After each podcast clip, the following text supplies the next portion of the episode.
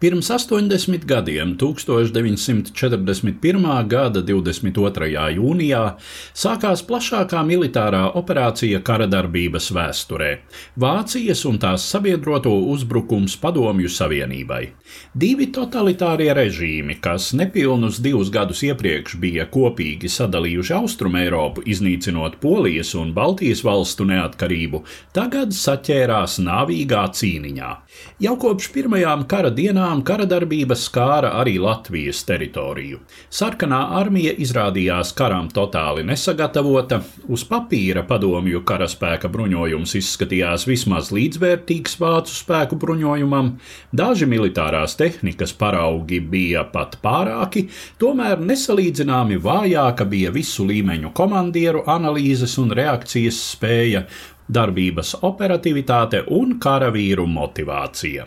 Faktiski Wehrmachts pirmajos kara mēnešos teju netraucēti īstenoja savus kaujas plānus, kas Latvijā paredzēja vērst galveno triecienu pret Daugaupili, neļaujot sarkanajai armijai nostiprināties aizsardzības līnijā gar Daugavu, savukārt otršķirīgus triecienus virzīt pret Liepāju un Rīgu. Ģenerāļa Manšteina komandētie vācu tanki jau 26. jūnijā pēkšņi parādījās pie Daugaupils un ieņēma pilsētu.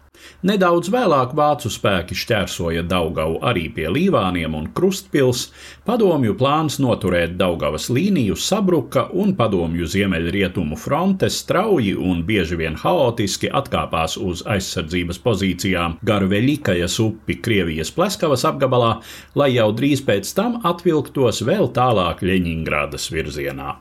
Uz vispārējās sarkanās armijas bēgšanas fona kara sākumā kā teju anomālija bija liepājas aizstāvēšana gandrīz nedēļu no 23. līdz 29. jūnijam.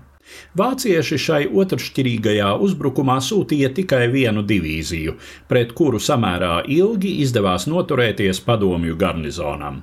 Galu galā tikai nelielai daļai pilsētas aizstāvju paveicās izlausties no ielenkuma.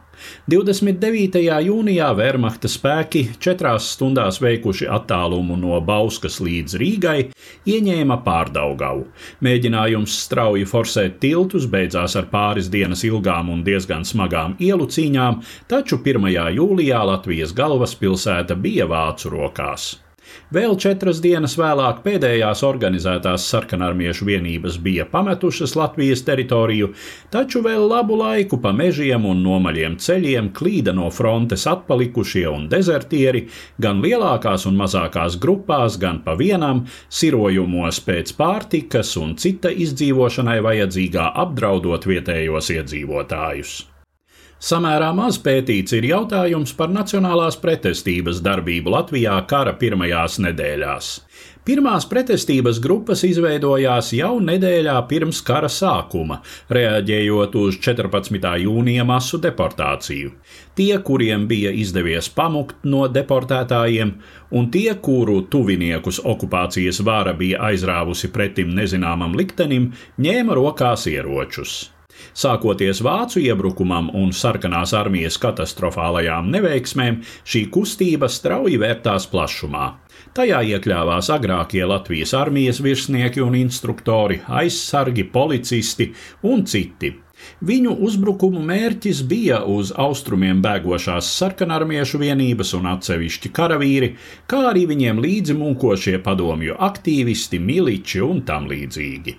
Par kādu nopietnu šo pretestības grupu ietekmi uz kara darbības gaitu Latvijā nenākas runāt, taču šādi latviešu nācija nepārprotami apliecināja savu nostāju pret padomju okupācijas režīmu.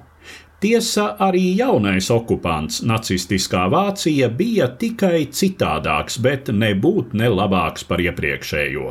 Jau visai drīz visiem tiem, kuri cerēja uz kādu Latvijas neatkarības atjaunošanu, nācās sāpīgi vilties, šādi mēģinājumi tika ātri un brutāli pārtraukti. Un, protams, īsti traģisks nacistu okupācijas apstākļos bija Latvijas ebreju tautības pilsoņu liktenis stāstīja Eduards Liniņš.